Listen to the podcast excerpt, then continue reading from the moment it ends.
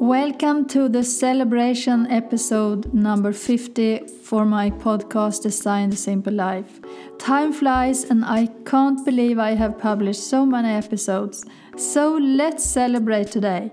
This episode will be a mix of the most popular episodes I have published, and I hope you will like it. If you have been here before, you know that I am very fond of simplifying everything in my life. And that's also why I'm here to inspire you to simplify your life as well. One year ago, I made a very popular course about it, and I think now is the perfect time to give you a very, very great opportunity to join with a very affordable price. Academy of Simplicity is a course about decluttering and simplicity. It's three modules, and the first one, Life Soul Essence, includes three lessons. Be aware of your daily habits, manifest your dream lifestyle, and create your own digital vision board. This module is crucial to do and a very good start of the simplifying journey. Once you have done module 1, it's time for module 2 and it's all about decluttering. I will guide you how to declutter all your areas in your home within two weeks, and I will tell you that it will give you a huge difference both in your home and also in your entire life. Everything will be so much easier after you have accomplished this module and have decluttered your home. Remember that you decide what things you will keep or not, and I just show you how to decide. Module 3 Simplify Your Everyday Life has four lessons, and they are Daily Routines to Simplify and Live in Harmony, How to Live in a Simple Way, Keep Focus and Continue Your Lighter Life, Self Care for Your Health. As a bonus, you will also get weekly guided meditations to enhance the process and to make it more smooth. And I couldn't make any course without feng shui, so you'll also get a feng shui PDF guide, Design Your Home with Feng Shui, as a bonus if you sign up now. If you follow my advice in this course, your life will change in a very positive way.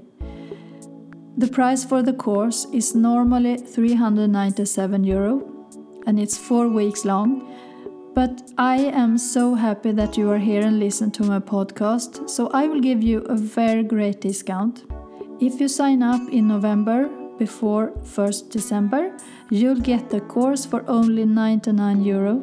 Use the code AOS50 when you sign up and you will get the discount. All you have to do is to go to my website www.ylvamariadesign.com and there you will see where you can read more and sign up if you think this is something you want to do. I have also added the link to the course in the description for this episode. And if you have any questions about the course, don't hesitate to contact me by sending me an email to info at ylvamariadesign.com. I'm looking forward to see you inside of my course and I think it will give you so much value. So don't miss this opportunity to get a course for very low price. Now it's time to start this celebration episode and it will be a little bit longer than normal. I will start with the most popular episode and it's number 42. It's about how to create the best feng shui for your bedroom.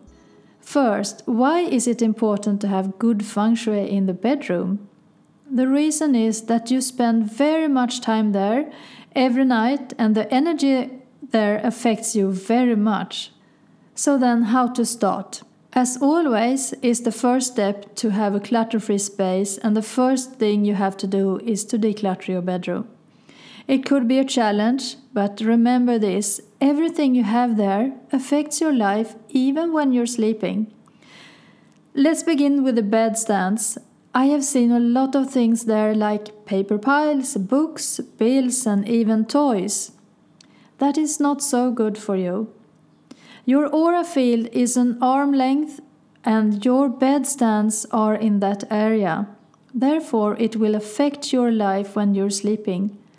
It's better to have that space clean with just a lamp and uh, maybe a bouquet of flowers. If you have your bills there, you probably feel stressed about them when you wake up in the mornings. It's the same thing with other things you have there. So take them away and don't forget to have a look in the drawer in under if you have any. Your things in the drawer are also in your aura field. Also try to avoid store things above the cabinets in your bedroom so that the energy flow can flow fluently. Then have a look under your bed.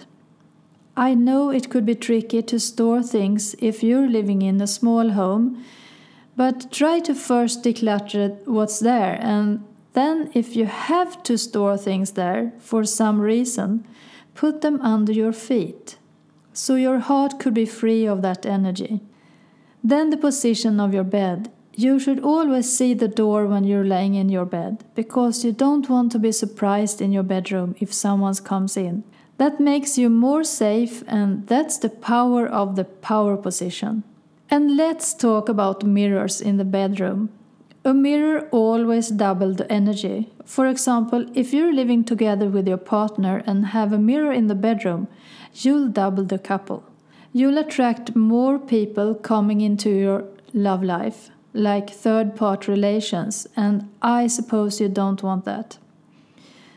A mirror is also related to the water element, and that energy is very unsafe, so avoid all mirrors in your bedroom.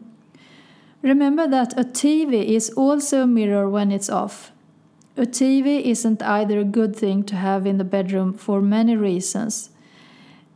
If you can't live without a mirror or a TV, at least cover it when you go to sleep and turn off your TV to get a free zone of electricity when you're sleeping. If you would like to attract a romantic relation, be aware of what you have in your bedroom. Make it clutter free so you have space for your romantic partner. Change the pictures of the walls to something related to love and make space for that person in your bed. Use two pillows, two lamps, and so on. Also, make sure you have space for that person's clothes in your cabinets and try to be mindfully aware of that energy you want to attract. Your pictures on your walls are also important. What does they tell you? Does they give you too much energy? If so, change them to something more calm, because your bedroom is for rest and not for getting energy, and you would like to have a calm and restful sleep in there, right? A picture of water is too much energy. A small picture of nature could be okay, but you don't want the nature in when you're sleeping. So be careful about a big picture of nature on your walls. If you want a romantic partner, you have to be conscious about what you have on your walls. And also, if you have nothing on your walls, you can't expect something happens in your love life. Emptiness give emptiness. Put your vision boards in your bedroom of what you would like to manifest in your future life. If you have a partner, you need to have both of your dreams on your vision board. Then let's talk about colors. What colors do you have in your bedroom and what kind of energy does it give you? Do you know that? Positive colors for the bedroom is always earth colors like beige, earthy peach, and pink. If you have just white in your bedroom, you could feel depressed because there is no colors at all. But if you like white and have white walls and everything is white, you could add some earth color to make it more balanced.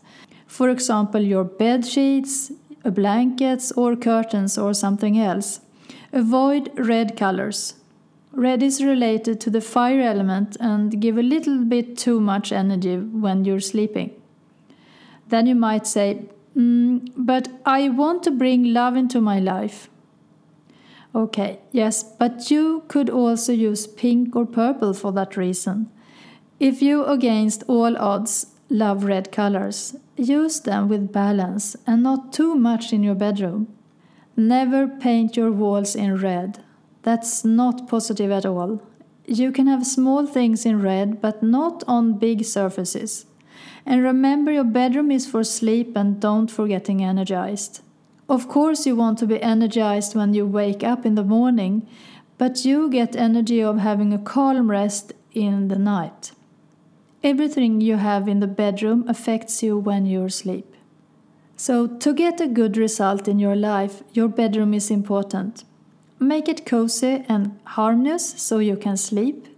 Use earth colors, no mirrors or TVs. Don't store your stuff under your bed. Always see the door when you're laying in your bed.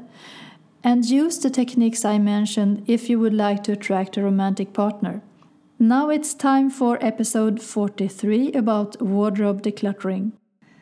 The first thing I want to mention is clothes that don't fit your body. I know you might thinking of to lose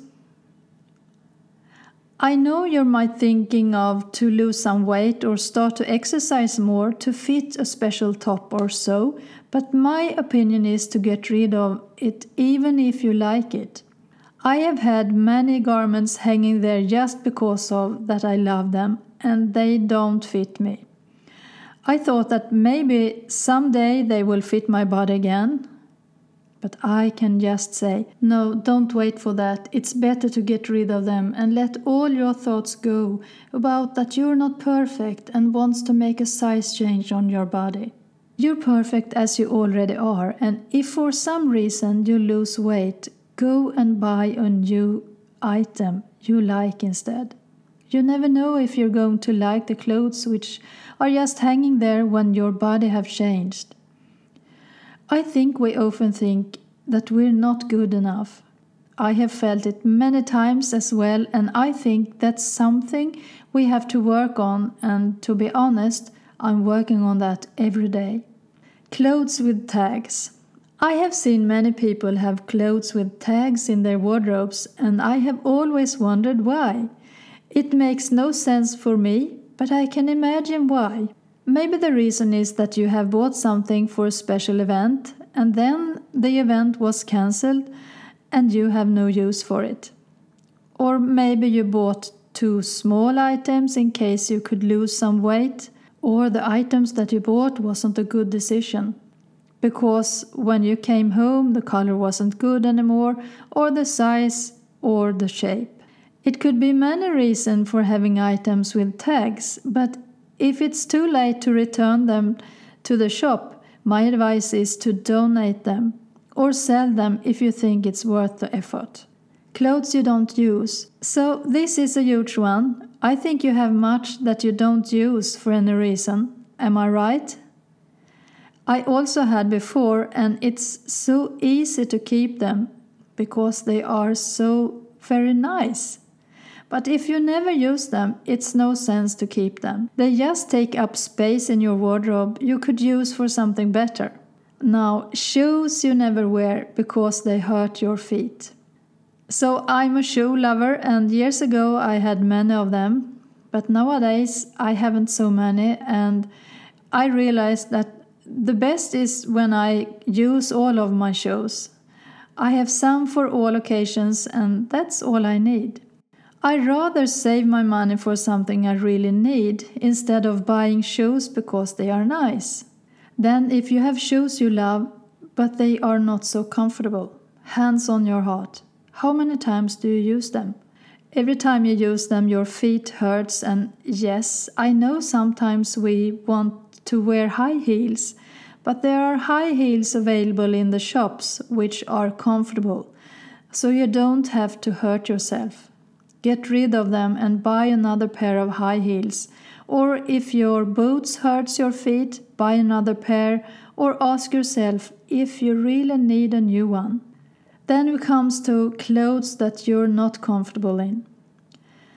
I think you can relate to having clothes just because they are fancy or something, but every time you wear them, you don't feel comfortable. Maybe you think that a tight top is gorgeous, but when it's on your body, you just feel uncomfortable. I can tell you, that's me.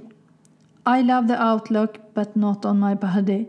I want to feel free and that I can move my body easy without thinking of something like if it's spots of sweat under my arms.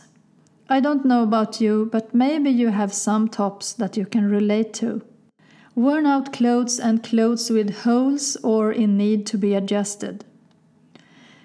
If you like to sew, I suggest you to fix the holes in your clothes or ask a friend for help. But this is only for the clothes that you really like.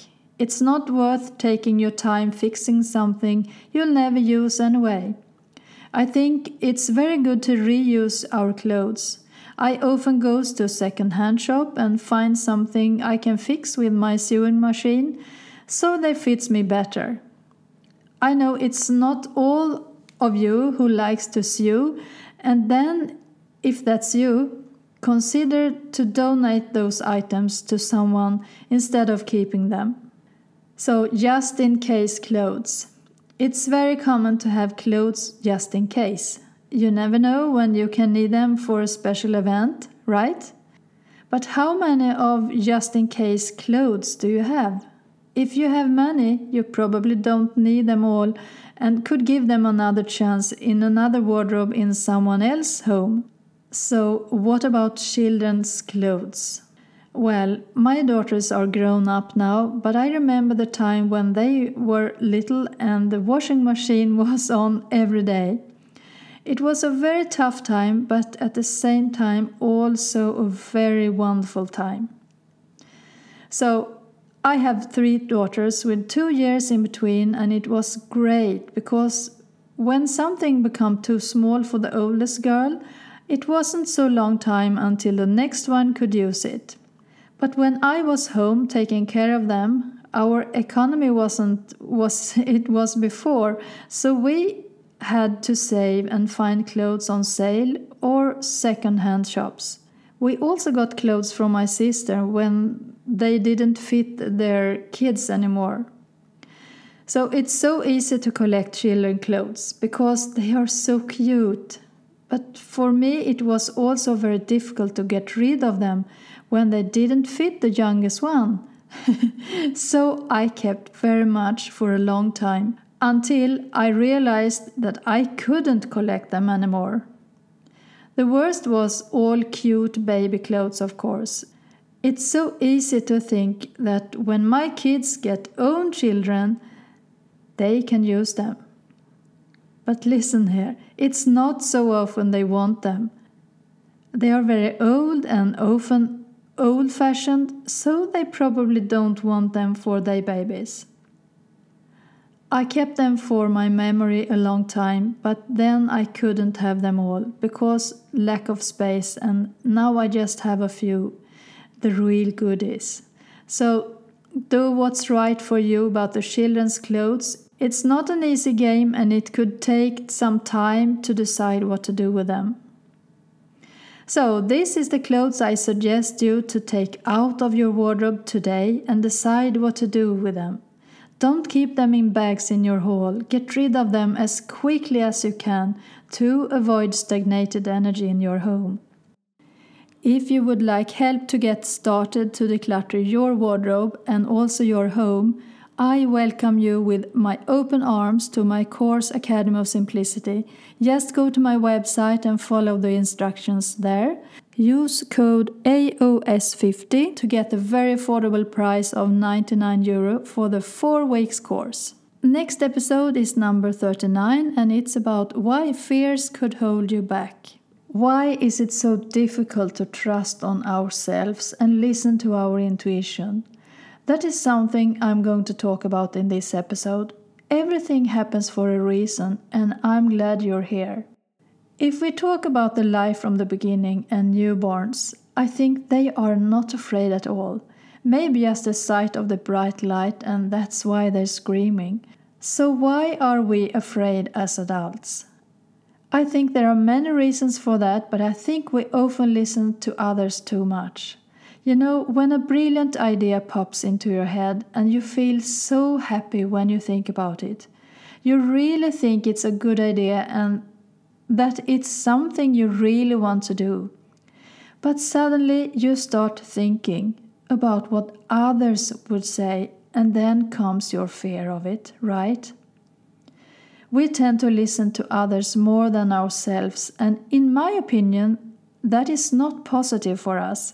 I'm sure it's great to have inputs from others, but They do not know about your thoughts and your good feelings you had when you got the brilliant idea. Maybe your friend think it's not a good idea at all and then you listen and forget about it.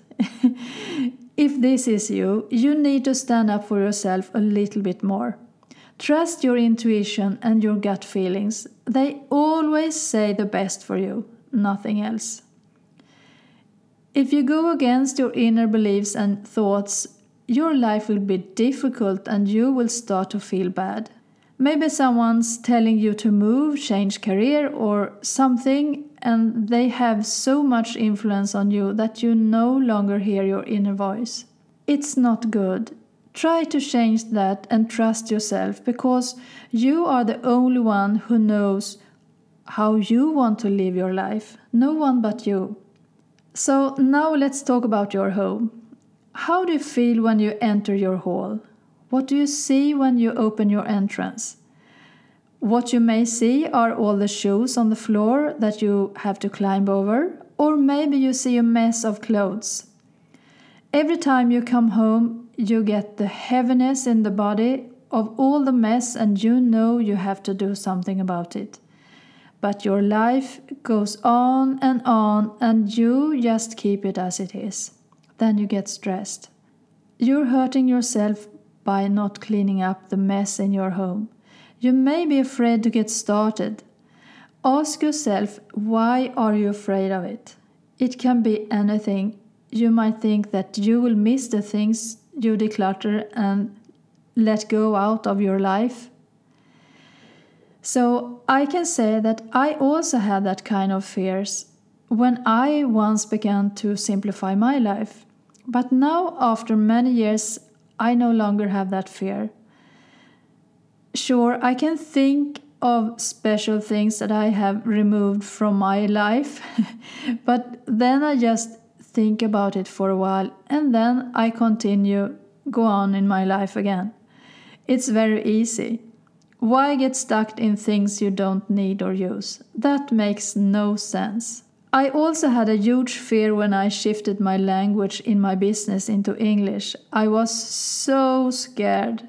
But my goal about reach women all over the world helped me come over it. Sometimes we just have to do it and don't think so much. After a while, we realize that everything is fine and that nothing dangerous happened. That's how life is. You may be afraid of what your family would say if you start to declutter your belongings and start to simplify your life, because when you do that, you will change and your family will notice that. But this is important. You will change in a positive way, so don't worry. You will be more happy and have a simpler home and life for sure. So, why do you have that fear? Dive deeper into all the fear you have of getting started to simplify your life. Meditate upon it and ask yourself questions after questions until you reach the real reason why you have that particular fear. I think it's a good way, but there are many ways to go. If you're familiar with EFT tapping, it's a great tool to use when you would like to remove something from your body. EFT has helped me many times. And you can find much information about EFT at internet. Meditation has given me a lot of value in my life. I have learned so much about myself and my desires in life that I would not have realized without meditation. You don't have to sit and meditate for hours. That's not what I mean. Five to ten minutes every day, it's enough. And if you have a very stressful life, I think you have. For example, take mini breaks in the bus to your work, or just do it in the bed when you wake up and before you go to bed. It's so simple. You also don't need to know much about how to meditate before you start, so don't worry. Just close your eyes and listen to your inner voice. You can also listen to guided meditation. I do it every now and then, but normally I just meditate in silence. So when you get scared of something, just close your eyes for a moment and ask yourself questions. And try to find out why they came into your head. It helps, I know, because I do that all the time. I'm also afraid of a lot of things, and I'm not a perfect person at all, and I don't always have a clean home. I'm just an ordinary person, but I have learned that I feel so much better if I clean up after I have finished my uh, art projects, as I have many, and I don't just leave it and then go on with something else. Then my mind get clear and I can start to create again next day with a fresh mind. So, what is the questions you have to ask yourself when a fear comes up for you? You can ask yourself what fear you have, why do you have it, where it comes from, and why. Do you need it? Probably not. And then you can tell yourself to get rid of it for good. Fear could tell you something you have to learn, so be happy that you have them instead of beating yourself up for having them. After I have been studied feng shui a long time and also helped other women with feng shui, I have found the nice and harmonious life that I like. I know what I like and want in my life, and I always follow my heart. I mean, every time. Back then, when I didn't follow my inner voice, I felt so badly afterwards. In my opinion, one of the most important things in life is to listen to yourself. I just follow what I feel in my life, and that works well for me, and I suggest you to do that too. I hope you liked my celebration episode, and remember if you want my popular course Academy of Simplicity for a very affordable price of 99 euro instead of 397 euro just go to my website www.ylvamariadesign.com and use the code AOS50 and sign up today so you don't miss it. The last day to get this prize is the 30th of November. This is Design a Simple Life with me, Ylva Jansson. Thank you so much for listening and see you in the next one.